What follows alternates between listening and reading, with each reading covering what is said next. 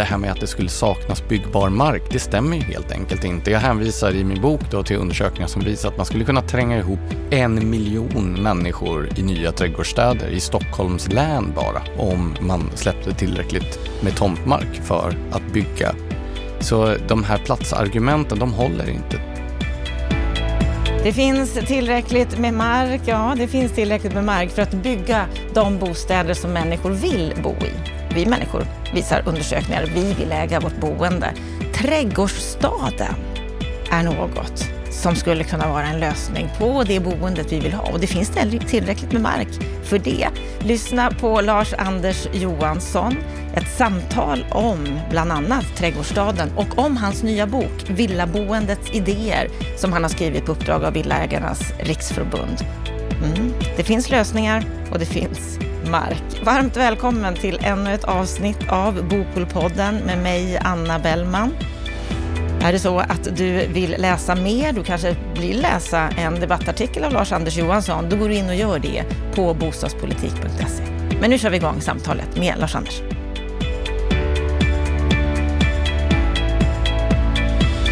Drömmen om ett eget hem med egen trädgård är lika stark som den var för hundra år sedan.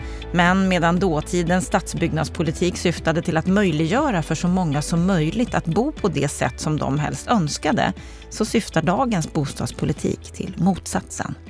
Så börjar baksidestexten till den nya boken Villaboendets idéer som Lars-Anders Johansson har skrivit på uppdrag av Villaägarnas riksförbund. Varmt välkommen till Bopolpodden, Lars-Anders. Tack så mycket. Vad är din sinnesstämning idag? Alltså eftersom ni bokade in det här på en måndag morgon så är den väl sprudlande som alltid. Ja, som alltid på måndag. Har du ett sånt härligt morgonhumör? Eller? Jag önskar att jag hade det i alla fall. Ja, ja nej men det är fint väder så att eh, man ska inte klaga. Det ska man inte göra, inte i de här tiderna. Du är född för 40 år sedan i Gävle, författare, journalist, musiker, skrivit flera fackböcker, två diktsamlingar och varit verksam då som journalist och eh, mycket inom svensk dagspress, tv, skribent i en lång rad tidningar, tidskrifter och engagerad i stadsbyggnadsfrågor i tio år. Varför har du skrivit den här boken, Villaboendets idéer? Så det finns en problematik när det gäller bostadsmarknaden. Det finns många problem på bostadsmarknaden, men när det gäller vilken typ av bostäder som produceras. Och den påminner om en problematik som jag känner igen från stadsplaneringen i en slags vidare bemärkelse och från arkitekturdebatten som jag också har varit engagerad i ganska många år. Nämligen att vi vet tydligt vad människor efterfrågar och eh, vi har två stycken system i samhället som ska se till att den här efterfrågan möts. Det vill säga vi har marknadsekonomin och vi har demokratin. Och trots då att människor har möjlighet att gå och rösta och människor har, har möjlighet att då köpa det de vill på marknaden, så försöker inte utbudet möta efterfrågan. Och på samma sätt är det här. Vi vet att ungefär sedan man började mäta den här typen av saker i början av 1900-talet så har ja, ungefär 70-80 procent velat bo i ett eget hus med egen trädgård. Och ändå utgör idag eh, andelen småhus i nyproduktionen av bostäder ungefär en femtedel, alltså 20 procent. Så att det är rakt motsatta förhållanden. Varför har det blivit så här tror du? Oj, det är ju det jag försöker redogöra för på, på Om 120. du kan förklara det lite kort. Eh, det finns flera, flera olika aspekter av detta. Dels så finns det en slags ideologisk låsning som jag tror spökar ända sedan funktionalismens genombrott på 30-talet. Det vill säga att man tänker att det här med trädgårdsstäder med eh, egna hus, det är någonting förlegat, någonting som hör dåtiden till. Den moderna människan ska bo i stora hus, maskiner att bo i som Le Corbusier formulerade det en gång i tiden. Det var bara det att den här massmänniskan som funktionalisterna såg framför sig, den infann sig inte utan människor fortsatte att vara ungefär likadana även hundra år senare. Men det här perspektivet att ett modernt samhälle krävde en helt annan typ av bostäder, en helt annan typ av livsstil, en slags teknokratisk syn på hur människor ska bo och leva sina liv. Det har levt kvar inom stadsplaneringen. Men sen finns det ju mycket mer krassa mekanismer bakom detta också. Jag skulle säga att kommunerna spelar en nyckelroll Och i de här expansiva storstadsområdena så har det uppstått, hur ska man beskriva det, som ett slags pyramidspel med markvärden. Eftersom markvärdet ökar hela tiden i, eh, i storstadsområdena så är det rationellt för kommunerna att inte släppa iväg för mycket byggbar mark på en gång eftersom man vet att ja, men den här marken kommer att vara ännu mer värd om några år.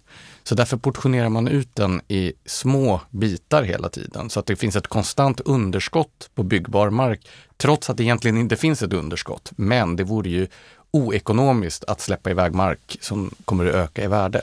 Och det betyder ju då att när det kommer ut för lite byggbar mark, ja men då är det också rationellt att sälja den här byggrätten till en stor exploatör som vill bygga ett flerfamiljshus, för då får man in mer pengar till kommunen.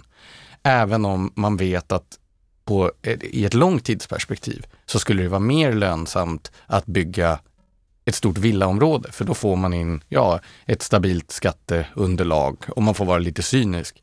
Men i det kortsiktiga perspektivet så är det alltid rationellt då att släppa få byggrätter och ge det till stora exploatörer som betalar mycket för att de klämmer in många bostäder på en gång. Och då produceras det en helt annan typ av bostäder än det som flest vill ha eftersom människor ändå behöver någonstans att bo och då kommer de att köpa det. När de inte har råd att bo i de få småhus som finns att tillgå på marknaden, ja då flyttar de in i lägenheter istället. Så det finns en logik, även om den kanske inte är önskvärd. Kan du förstå den?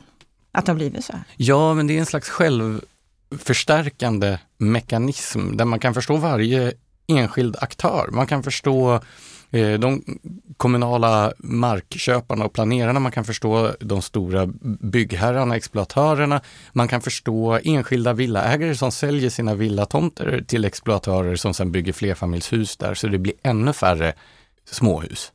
Men enda sättet att lösa den här problematiken, det är att kommunerna planerar för fler villatomter. Det finns ju också den här mekanismen att en stor exploatör som vill bygga ett eh, bostadsområde med eh, flerfamiljshus är ju en lättare motpart för kommunen i ett planeringsskede.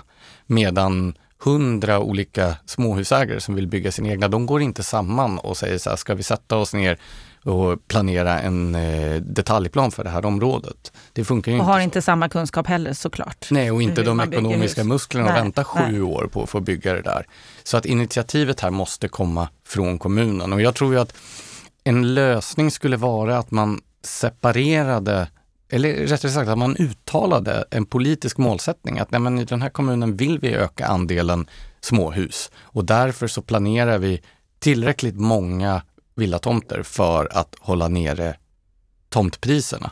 Man skulle till exempel kunna införa en automatisk mekanism som slår till när, eh, när tomtpriset överstiger en, en viss nivå så släpper man helt enkelt ett stort antal nya tomter så att det hela tiden hålls på en hanterbar nivå så människor har råd att bygga nya småhus. Du har ju sammanfattat dina tankar, dina idéer, dina konkreta förslag i den här boken på 120 sidor. Du går igenom argumenten för och emot trädgårdsstäder, egna hemsrörelsens framväxt, villaägarrörelsens historia. Jag tänker då får vi en bra inblick i allt det du, har- det du har berättat här. Du benar ut diskussionen om fastighetsbeskattning, sticker hål på myten om förtätning, vi ska återkomma till den. Och du gör upp med den modernistiska stadsplaneringens villfarelser. Vad, vad skulle du säga att den här boken ger för insikter som vi inte haft sedan förut? Alltså det beror ju förstås på vad man hade för insikter sen förut. Nej, men jag har försökt att eh, skapa en sammanställning av de viktigaste argumenten samt en historisk översikt som ska göra som ska bli som en slags introduktion till den här debatten. För den som tycker att det är ett problem, att det byggs för få småhus, vilket gör att småhusen är för dyra så att väldigt få har råd att bo på det sätt som de önskar. Då är det här en slags argumentsamling men också en guide till var man kan ta sig vidare och hitta ytterligare läsning på, på Och området. jag tänker att den kommer rätt i tiden. Det är ju väldigt många som just nu är ute i media och argumenterar för att vi behöver fler småhus. Ja, för det här har också blivit ett problem. Det har förstärkts ännu mer nu under den här eh, pandemin givetvis. Det vill säga att människor vill bo i småhus och är beredda att till exempel ja, men flytta eh, ganska långt bort från Stockholm för att eh, få bo som de vill. Och då har vi alltså människor, ofta högutbildade människor, högproduktiva människor som sitter och pendlar, alltså två, tre timmar varje dag för att kunna bo på det sättet. Och då är frågan så här, ja men är det samhällsekonomiskt försvarbart? Att det är på det sättet. Vi såg ju redan innan pandemin att den här, som vi trodde, eviga trenden av ständig inflyttning till Stockholm hade ju vänt till att vi hade nettoutflyttning i Stockholm. Och det säger ju också någonting om att människor prioriterar boendet framför ja, men bekvämligheten att inte behöva pendla i flera timmar till exempel. Om vi bara ska försöka bena ut varför ska vi ha trädgårdsstäder? För att människor föredrar att bo på det sättet. För att det är eh, på lång sikt ekonomiskt lönsammare. Det skapar mindre sociala problem. Det är en rättviseaspekt också. Att varför ska den här typen av boende vara bara för en liten, liten grupp som har råd med det när det finns ett sånt underskott. Det är också miljövänligare på en På vilket sätt då? Eh, dels under själva produktionsprocessen, det vill säga eh, trädgårdsstäderna är ju i stor utsträckning uppförda i trä, småskaliga. De står länge, de håller längre. Eh, och sen så finns det den här frågan om biologisk mångfald naturligtvis. Den miljömässiga invändningen som brukar komma mot villaboende och trädgårdsstäder är att det eh, påstås öka bilismen. Det är väl det miljöargumentet som fortfarande finns kvar. För det odlas ju en myt om att det gröna samhället, där ska vi tränga ihop oss jättemycket på en liten yta så att vi inte behöver transportera oss någonstans. Men eh, där håller ju också teknikutvecklingen på att springa ifrån den typen av argumentation. Jag tror ju att nu när vi ser alltså, utfasningen av fossila bränslen, vi ser eh, alltså både olika typer av biodrivmedel, elbilar, vi ser en utveckling av självkörande eller halvautonoma eh, fordon. Det kommer ju att göra att den här idén om att vi måste tränga ihop oss vid den spårbundna kollektivtrafiken, den kommer att vara helt obsolet. Och då försvinner ju också argumenten att vi måste tränga ihop så många bostäder som möjligt på liten yta. Eh, jag tycker redan att vi idag ser en tendens där det inte längre är ett säljargument att man bor nära kollektivtrafiken. Och när den här miljöaspekten av trafikdebatten försvinner, ja då finns det inte längre några argument för varför man inte kan bygga trädgårdsstäder och villaområden längre bort från pendeltågsnätet Liksom. Men ett argument mot trädgårdsstäder, alltså solitära småhus, är ju att husen tar mycket mer mark i anspråk, det tar mycket mer plats. Och du tar också upp det här i din bok. Tar bilen och villan för mycket plats? Hur kan vi argumentera för en trädgårdsstad som ju faktiskt tar mer utrymme i anspråk? Ja, alltså, det, allt beror ju på vad man jämför med. Jämför man med den täta stenstaden, så som den ser ut i Vasastan, på Östermalm, större delen av Södermalm, ja, då är ju en trädgårdsstad glesare.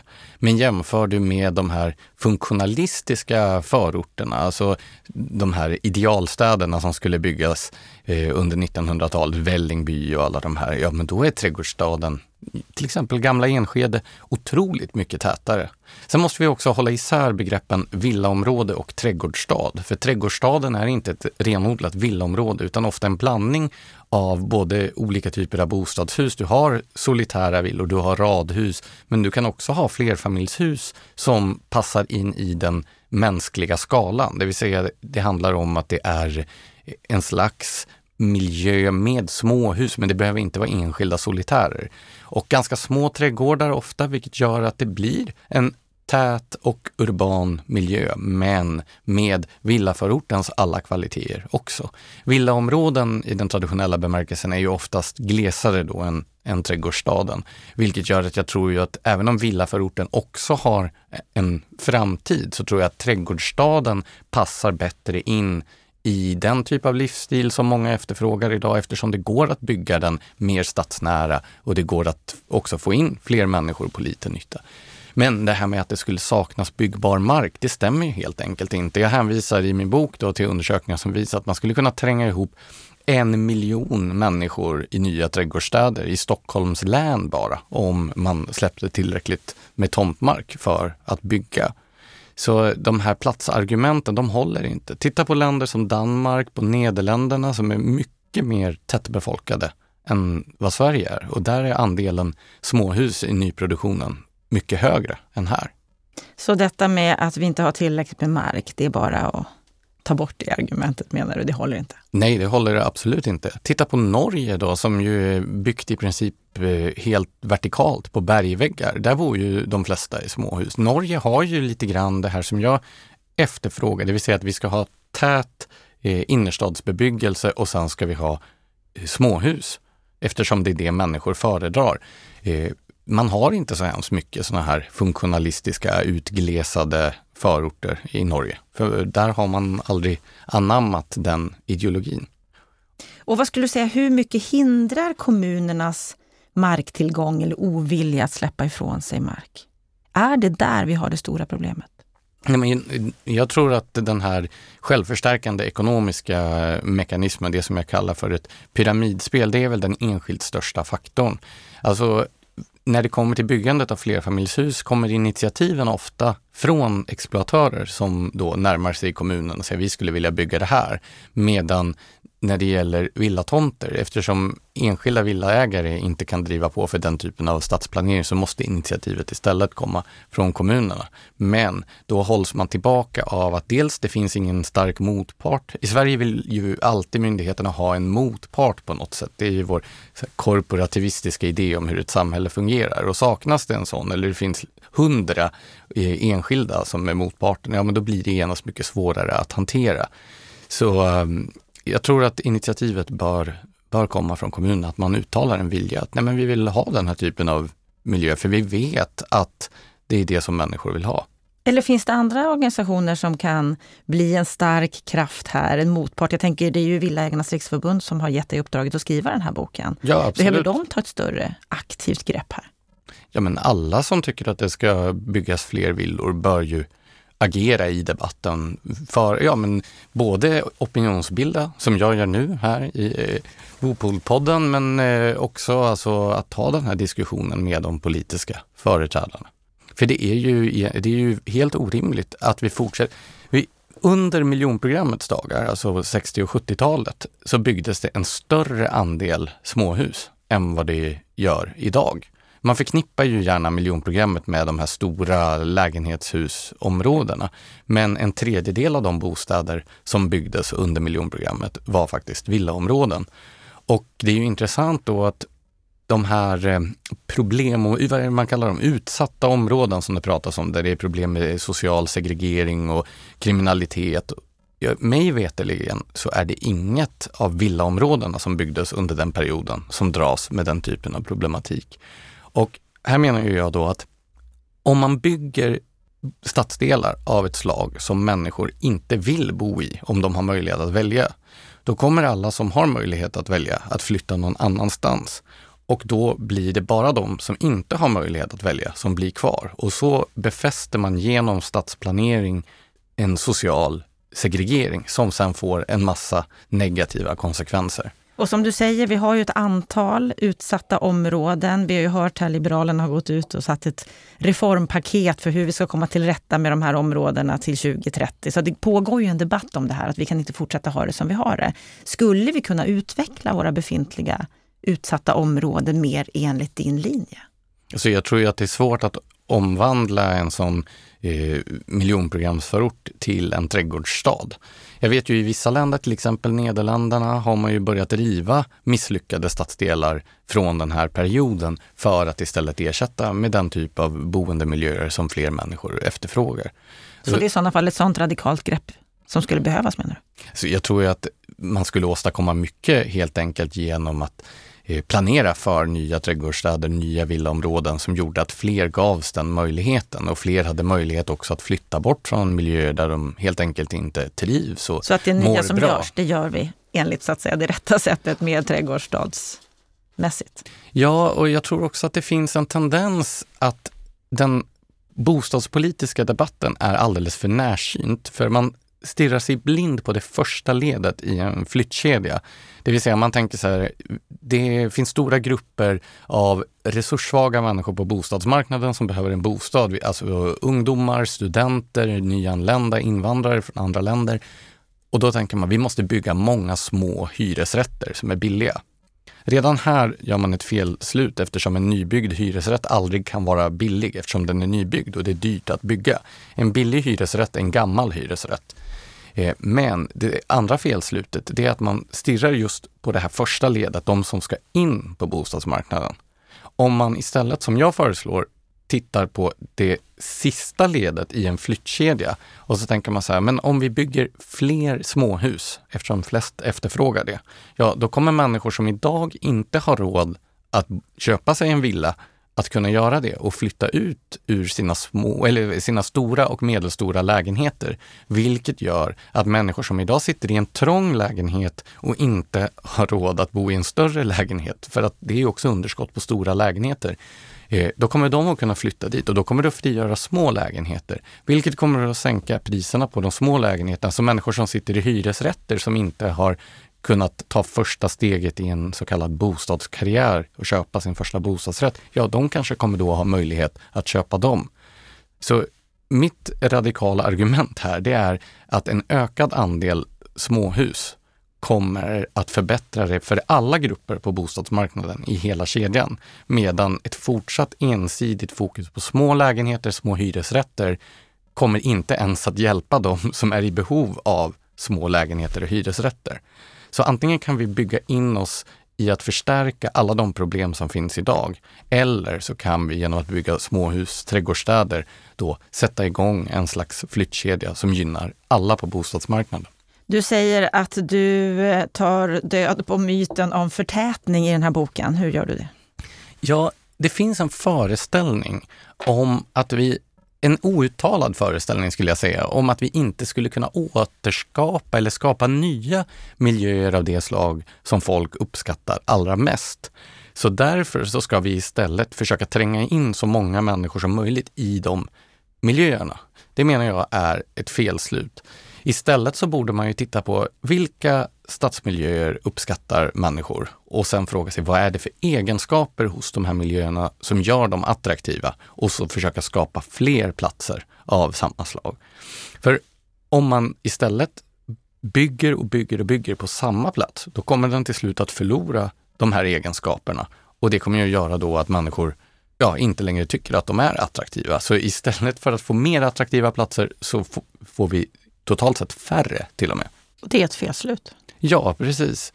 Ja, men eh, detta med, det finns något som kallas villaomvandlingen och det sker ju i de befintliga villaområdena på grund av att det finns ett underskott på sådana. Och det här förstärker ju underskottet istället.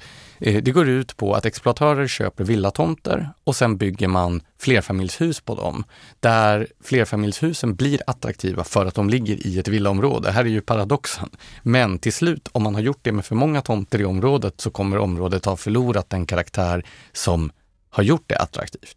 Det som hade varit bättre vore ju att man byggde ett helt nytt område med samma egenskaper som det som var attraktivt. Då hade det ju inte heller lönat sig att riva de här villorna och bygga flerfamiljshus där, utan det är lönsamt enbart på grund av att det finns ett underskott på den typen av miljöer.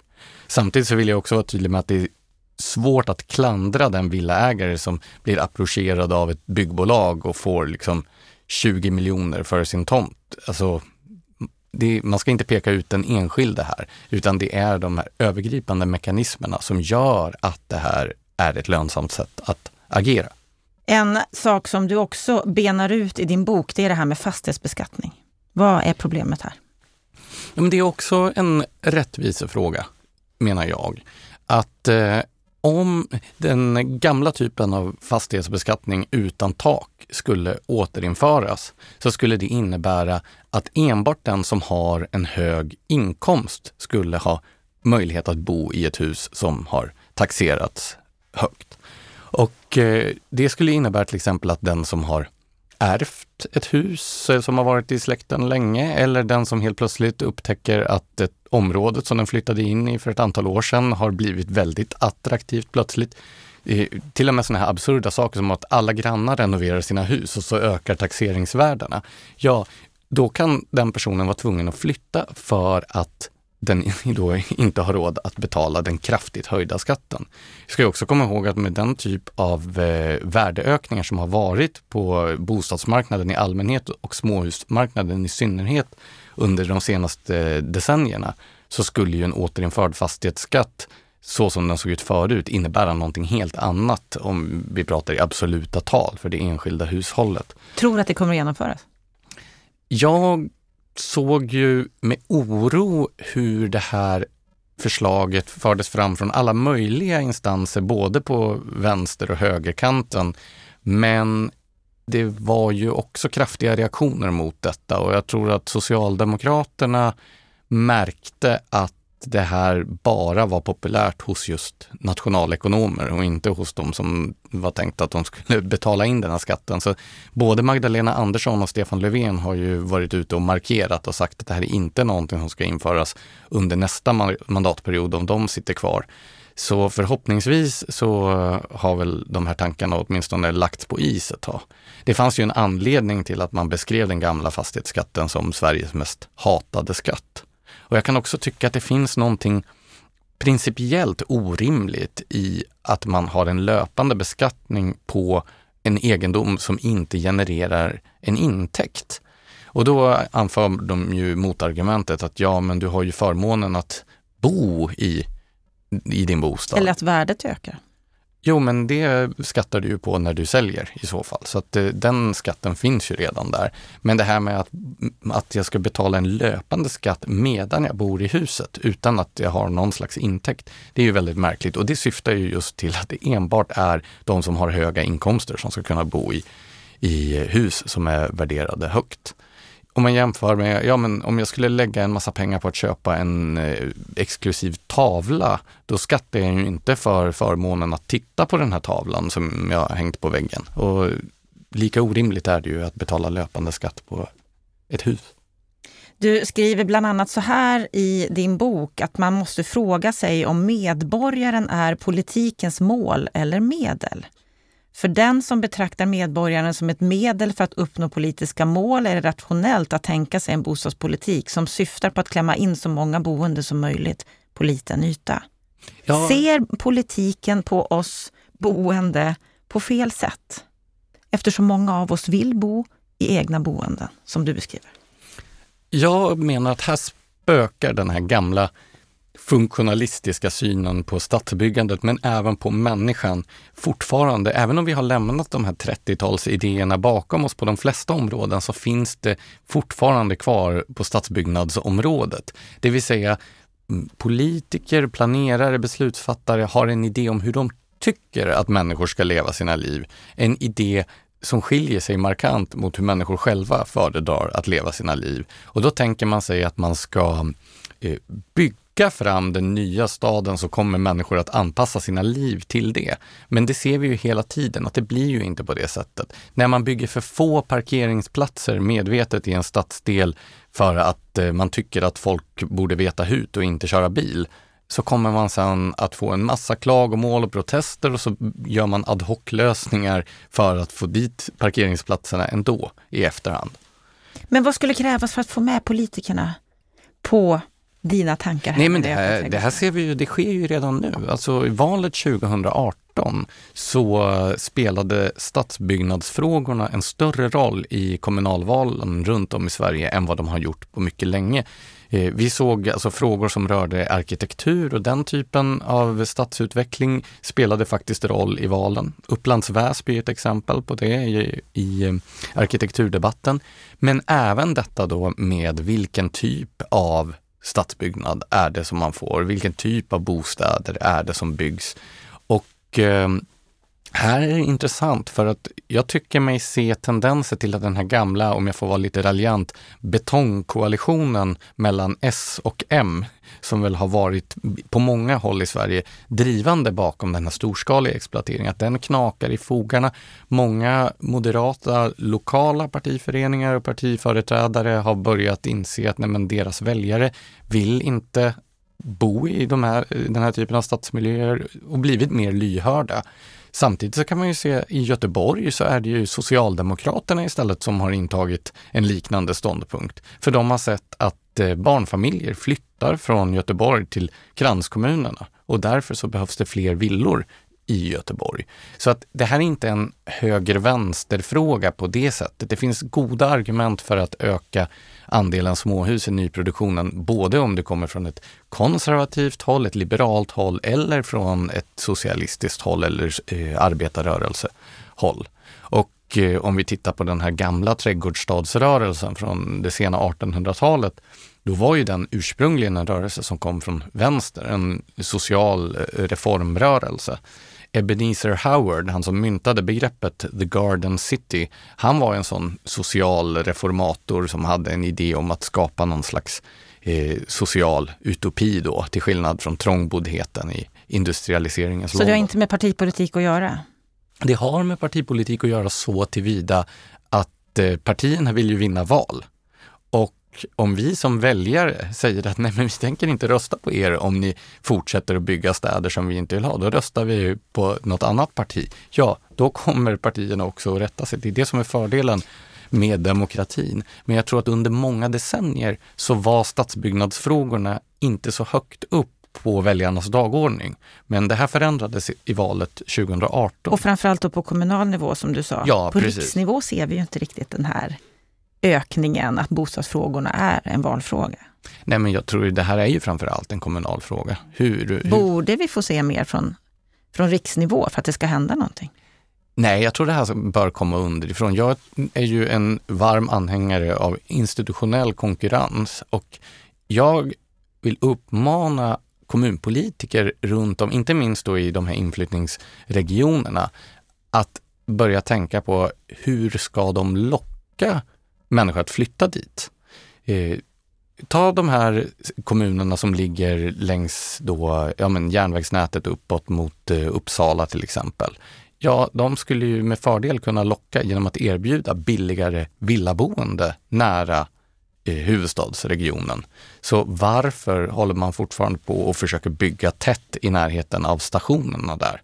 Jag tror att det är betydligt fler som skulle kunna tänka sig att bo i en villa i Knivsta eller Uppsala eller Upplands Väsby och pendla till, till Stockholm än att bo i de här kommunerna i en lägenhet. Så du uppmanar kommuner att ta det här, ta sina väljare på allvar och bygga de boenden som de vill ha med trädgårdsstad? Ja, och att eh, locka inflyttare från andra kommuner genom att helt enkelt erbjuda bättre boenden.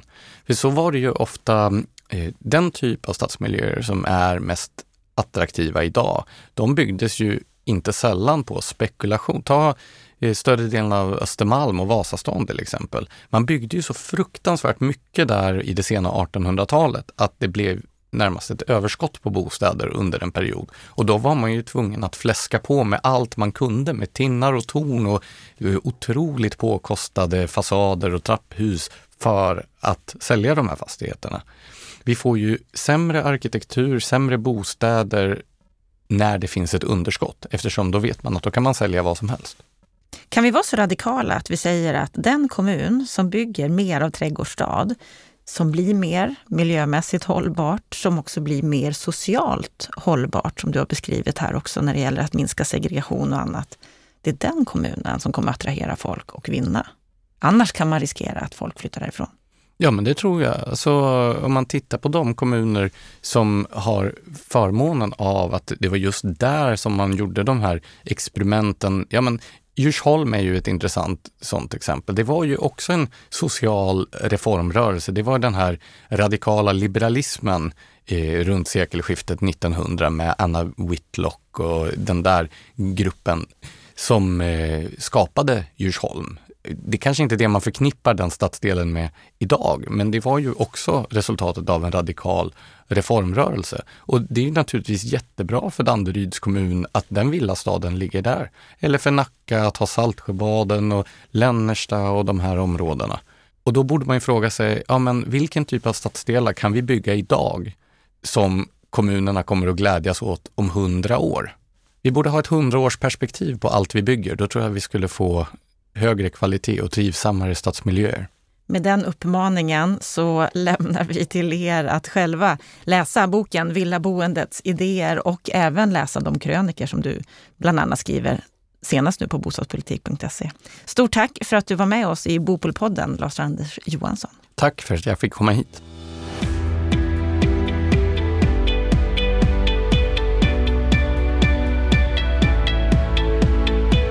Ja, då har vi hört samtalet med Lars-Anders Johansson. Vad säger du om det här samtalet, Stefan Attefall? Trevligt, intressant, eh, jätteskojigt att han skrivit den här boken. Eh, jag tycker att han eh, på ett bra sätt går igenom argumentationen för varför vi eh, behöver få fram fler trädgårdsstäder. Och eh, han pekar på det orimliga att vi har byggt så, mycket, så, mycket, så få eh, villor och småhus i Sverige. Eh, miljonprogramsdagarna byggde vi en tredjedel av den miljonen bostäder var alltså småhus. Och idag är vi nere på en 20 procent ungefär av alla bostäder som byggs och eh, vi kan se i statistiken hur flerbostadsbyggandet har tagit fart från 2010-2011 och fram till idag medan småhusbyggandet har legat stilla till stort sett.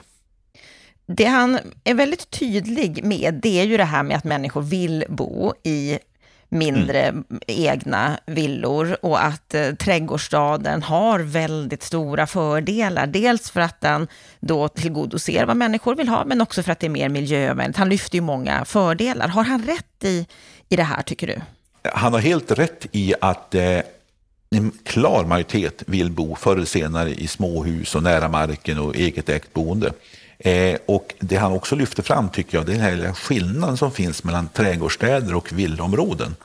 Eh, alltså, vi behöver bygga småhus i många olika former, men trädgårdsstaden är ett koncept som vi tappat bort lite i debatten. Vi tror att alternativet är bo tätt i centralt i flerbostadshus där man nästan kan klia grannen bakom öronen när man sträcker ut handen genom fönstret. Och så är alternativet detta är någon slags eh, amerikansk villamatta långt utanför städerna. Men trädgårdsstaden tänker alltså Enskede, tänker eh, eh, Bromma, tänker Tullinge som har kanske byggt sin senaste trädgårdsstad. Alltså det finns ett antal sådana områden där man blandar småskaliga Eh, byggnationer, radhus, villor, men också lite grann flerfamiljshus i småskalig form. Och där du också har närservice och liknande saker. Och du kan ordna en god eh, kollektivtrafikförsörjning till sådana områden. Den typen av säga, områden, det är det man ofta kallar trädgårdsstäder. Mycket trädgårdar, mycket lummigt, mycket biologisk mångfald. Många gånger är husen byggda kanske av trä också, vilket ur klimatsynpunkt är inte, inte är helt pjåkigt. Eh, och det är det som vi borde få fram mer av. Det är den typen av miljöer som människor dras till och attraheras av. Här ligger ju en stor, ett stort ansvar på kommunerna och det lyfter han ju fram mycket i samtalet också, att det finns tillräckligt med mark. Va, ja. Vad säger du om hans förslag här? Dels det, att det finns tillräckligt med mark, men också att hans förslag om att kommunerna borde hela tiden släppa på nya tomter om mm. markpriserna går upp för mycket. Ja, alltså det, är, det är utbud och efterfrågan. Alltså I alla våra heta områden så är det ju så att om du ökar planläggning av mark, då sjunker priset.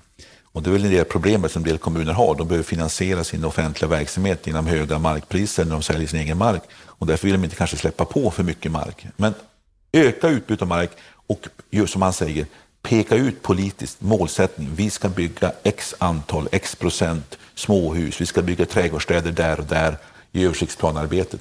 Det är sånt som politiken bör göra ute i kommunerna och där behöver vi mer medvetna kommunpolitiker, mer målmedvetna kommunpolitiker än vad vi har idag. Men om det är så då att vi människor vill bo så här och det finns den här bristen på bostäder, varför släpper inte kommunerna mer på marken? Därför att kommunerna drivs av planeringsideal. Han är helt inne på detta också, där man tror att bo tätt Eh, det är miljövänligt, det är tillväxtfrämjande och man tror att eh, om vi bygger stenhus nära kollektivtrafik så minskar vi bilismen. Men ett, bilismen kommer att bli elektrifierad ganska snart. Vi kan kollektivtrafikförsörja sådana här trädgårdsstäder. Det är ganska hög boendetäthet där också. Och det finns inget ekonomiskt samband mellan att bo tätt och att, eh, att ha en hög ekonomisk tillväxt. Däremot finns det samband mellan att jobba tätt, jobba nära varandra, alltså koncentrera arbetsplatser som är likartade med varandra och eh, hög ekonomisk aktivitet och tillväxt. Där finns det samband, men du kan bo eh, en bit utanför och, och, du kan åka buss dit eller åka ett pendeltåg eller vad det nu är för någonting. Så att eh, det finns mycket myter och, och mycket föreställningar och planeringstänk. Sen tror jag också att det finns en annan sak som han inte berörde så mycket. Det är att de stora bolagen som vill utveckla bostäder, de har kraft att diskutera ett flerbostadsområde med kanske hundratals bostäder. Det blir mycket pang för en plan om man säger så från kommunalt planeringsperspektiv. Småhusindustrin har varit fragmentiserad, ganska få, många aktörer med ganska små eh, totala resurser. De har inte samma förmåga att diskutera med kommunerna och ligga på i planprocesser som tar fem till tio år. Eh, utan det, och så blir det enskilda människor ibland som är inblandade. Så det finns ingen riktig motaktör som har samma kraft som exempelvis eh, Skanska, Peab, Veidekke, eh, eh, JM eh, och, och, och, alla de här andra aktörerna. Så det är en del förklaring också tror jag. Men där håller på att ske en konsolidering i småhusbranschen också med Obos inträde och eh, eh, Svenska hus tror jag de heter, som också har köpt upp ett antal företag. Så det börjar bli konsolidering, vilket jag tror är bra för att öka trycket på kommunerna och bli en partner i planprocesserna. Så saker och ting sker och det måste ske, det måste ske snabbare än vad det gör nu och då behöver de kommunala politikerna ta ett större ansvar och ett större grepp om det här. Stort tack för detta, Stefan Attefall. Då har det blivit dags för en repris av veckans Aktuellt som vi sände i fredags. Det är en intensiv period vi är inne i just nu bostadspolitiskt och framförallt den här veckan nu med Vänsterpartiets ultimatum när det gäller det här med marknadshyror. Vad ska vi tänka här, Stefan Attefall? Ja, det är spännande. Det här visar på när man ger sådana ultimativa krav så är det svårt att backa. Vänsterpartiet måste få till stånd någon typ av förändring för att inte medverka till någon misstroendeförklaring. Och C och L kan inte backa från att det här förslaget genomförs för att tappa dem ansiktet. Och, eh, vi kom, och så vill M och KD egentligen inte ha en strid i den här frågan för de gillar i grunden det förslag som nu ligger på bordet eh, om fria nyproduktionshyror. Så att jag tror att SD däremot, de är emot det här förslaget. De är ju på samma sakpolitiska position som Vänsterpartiet. Men Vänsterpartiet vill ju inte ta i SD med tång. Men jag tror det kommer bli så att SD på något sätt hjälper Vänsterpartiet att begära misstroendeförklaring. Eller begär det själv och Vänsterpartiet hoppar på. Eh, och då kommer M och KD ha mycket svårt att inte trycka på knappen, den röda knappen. De kan inte avstå och rädda Löfven. Då får vi en ny ska säga, debatt alla december, eller decemberöverenskommelsen som ni kommer ihåg för några år sedan när just M och KD och andra borgerliga partier kritiserades för att ha hjälpt Löfven fram till makten. Och hamnar vi i ett sådant läge, ja då måste Löfven avgå, gå till talmannen och då har vi en ny runda på samma sätt som efter valet 2018 och med troligtvis lika lång tidsutdräkt också. Och troligtvis också mitt under att vi fortfarande har pandemier så har vi en expeditionsministär som inte kanske kan fatta eh, riktigt radikala beslut. Så det här är en besvärlig situation och ingen vill ju egentligen ha nyval så här kort tid före nästa val. Så att eh, jag skulle säga så här att någon måste förlora ansiktet. Antingen blir det Vänsterpartiet i slutändan och Löfven kommer tillbaka eller eh, det blir ingen misstroendeförklaring överhuvudtaget. Eller så måste C och Liberalerna, alltså Centern och Liberalerna, tappa ansiktet i någon mening. Och det här eh, blir spännande att se. Men eh, jag tror ingen vill ha den här utvecklingen. Men, men eh, stora Atlantångaren, den bara ångar på och den går inte att stoppa kanske till slut. Frågan är bara, går det att i sista stund hitta en kompromiss som räddar ansiktet både hos Centern och Liberalerna och hos Vänsterpartiet? Eh, ja, vi får se. Jag är tveksam till om det går att hitta en sån salmonisk lösning. När vi spelar in det här så är det torsdag den 17. Det kommer ju att komma mer, mer information, förmodligen, redan, redan idag. Hur snabbt kan vi se en lösning på det här, tror du? Nej, men det måste väl bli någon typ av eh, lösning för midsommar här. Alltså, Vänsterpartiet måste backa undan eller fullfölja. Och SD hjälper gärna till. Och jag tror att också att en av eh, taktiken från M och KD är också att tvinga Vänsterpartiet att bli beroende av SD. Eh, och det tycker inte vänsterpartisterna om. Men de är tvingade, för att de har, alltså backar de nu, då kommer de alltid att förbli socialdemokratins dörrmatta. Så det handlar mycket om deras också självständighet och deras eh, förhandlingsförmåga i framtiden också. Ja, och då kommer de förmodligen inte att backa, är det det vi ska tolka dig som? Alltså jag tror att det blir svårt för dem. De måste få någonting som gör att de räddar ansiktet och eh, jag kan inte riktigt se vad det är som samtidigt tillfredsställer Centern och Liberalerna. Och det är det som är problemet här. Regeringen har inte parlamentarisk majoritet bakom sig. De tolereras av olika skäl och det är den verkligheten vi ser nu.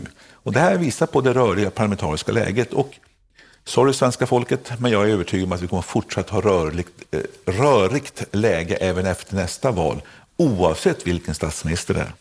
Mm, spännande läge onekligen. Vi går vidare till bygglovsutredningen. Vad är syftet med den här utredningen?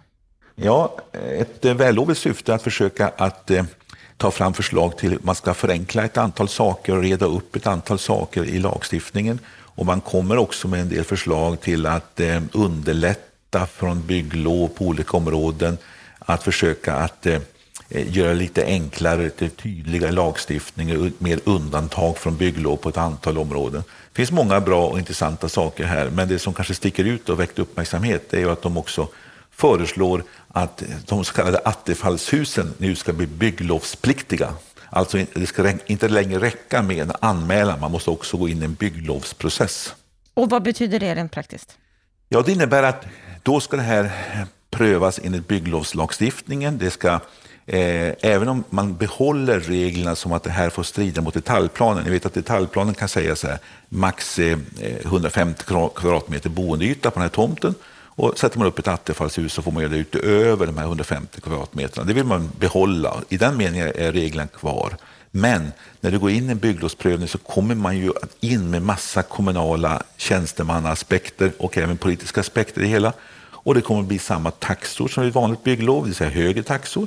Det kommer att ta längre tid och det kommer att krångla till det. Och så vet vi också att det här är så mycket olika i olika kommuner, alltså hur man ser på det här. En del ser ju positivt på de här tillbyggnaderna och extrabyggnaderna och andra ser bara problem.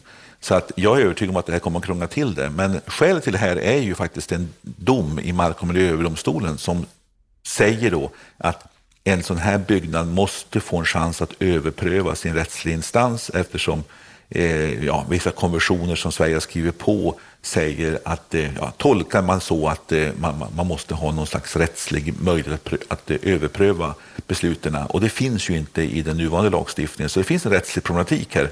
Men frågan är om inte man har gjort det ganska konstigt. Jag upptäcker också en sak när jag försöker läsa på det här eh, noggrannare, att det verkar som om det är bara om det är en bostad, 30 kvadratmeter stor bostad, som man kräver bygglov, inte om det används till andra ändamål, typ förråd eller så. Och är det så de menar den här utredningen, då är det ju riktigt korkat. För ur grannsynpunkt så är det storleken som är problemet. Nej, jag tycker att eh, det här förslaget behöver nog omarbetas och jag är rädd för att man förstör och försvårar den här reformen med attefallshus eh, om man eh, går på det här förslaget. Men vi får se nu vad remissinstanserna säger och sen vad regeringen säger. Det verkar på uttalandet från Märta Stenevi som att hon eh, är positiv till det här eh, utredningsförslaget. Och då kan det bli en politisk strid om detta också i valrörelsen. Och då undrar jag, hur känns det, du som är initiativtagare till de här attefallshusen, kommer vi att förlora värdet av hela ja, går, går det här igenom så kommer man ju att kraftigt försvåra. Det kommer inte vara likadant som före reformen. Eh, så illa går det inte. Men man kommer kraftigt försvåra och det kommer att bli mycket mer, tror jag, godtyckliga bedömningar runt om i Sverige från olika kommuner. Eh, jag tror att det är en fara detta. Jag tror man måste vända på de här rättsliga frågeställningarna som, som finns som ett problem eh, på ett betydligt mer grundligt sätt och eh, inte vara så fixerad vid att allt ska bygglovsprövas enligt traditionella mått och, mätt, mått och steg. Vi ska gå vidare till en ny rapport som har kommit från Länsstyrelsen som Dagens Nyheter tog upp häromdagen, att allt fler stöts bort från Stockholms bostadsmarknad. Att en stadigt växande andel av länets befolkning hamnar utanför en bostadsmarknad som i allt högre utsträckning endast fungerar för hushåll med höga och stabila inkomster. Och där har då Henrik Weston som utvecklingsledare på Länsstyrelsen gått ut och sagt att han är uppriktigt sagt bekymrad. Förstår mm. du honom? Mm. Ja, ja, alltså rapporten pekar ju här på att det byggs ju mycket i Stockholmsområdet som det här handlar om, Stockholms län. Eh, men trots att det har byggts mycket, jag tror att det under 2015-2030 talar man om att det har byggts över 20 000 lägenheter så saknas det ungefär 5 000. eller Det byggs för 15 000, men det borde ha byggts ungefär 20 000 för att klara eh, behovet, de demografiska utmaningarna och så. Alltså vi behöver från en hög byggtakt öka ytterligare med kanske 25 procent ytterligare. Och det här visar ju på dilemmat. Men sen pekar han ju inte bara på det, utan han pekar också på den här rapporten att även om du bygger nyproducerade eh, bostadsrätter och hyresrätter så är det ju bara en viss grupp människor som har råd med de typerna av bostäder. Alltså nya hyresrätter är alltid dyra hyresrätter. Och han pekar ju på att vi har en växande grupp människor som inte kan ta del av det här utbudet och att flyttkedjorna fungerar inte alltid för de ekonomiskt lite svagare hushållen. Och det här är ju ett så här, växande socialt, bostadssocialt problem. Och lägg där till då att vi måste ju, vi rustar ju upp också gamla lägenheter. De billiga hyresrätterna finns ju i det gamla beståndet som inte ännu är upprustat. Och i takt med att vi rustar upp dem så blir de också dyrare. Och då får vi en allt växt större grupp människor som alltså har svårt att hitta en bostad till rimliga priser. Eh, de har inte kapital, de har inte tillräckligt eh, pengar för att kunna bo i nyproducerade hyresrätter och de kanske inte heller har den kötid och de kontaktnät som krävs för att få tag på någon gammal billiga billigare lägenhet. Så att det här är ett riktigt bekymmer som han pekar på och han ropar efter någon svensk modell för överkomliga bostäder. Och det är väl det som politiken inte levererar. Och här ligger den stora tycker jag, bostadspolitiska utmaningen som inget parti på allvar har tagit itu med, tycker jag. Vad kan den här rapporten konkret leda till? Nej, men sätter ju fingret ytterligare. Det är ju inte det första eller sista ropet på att det måste hända någonting.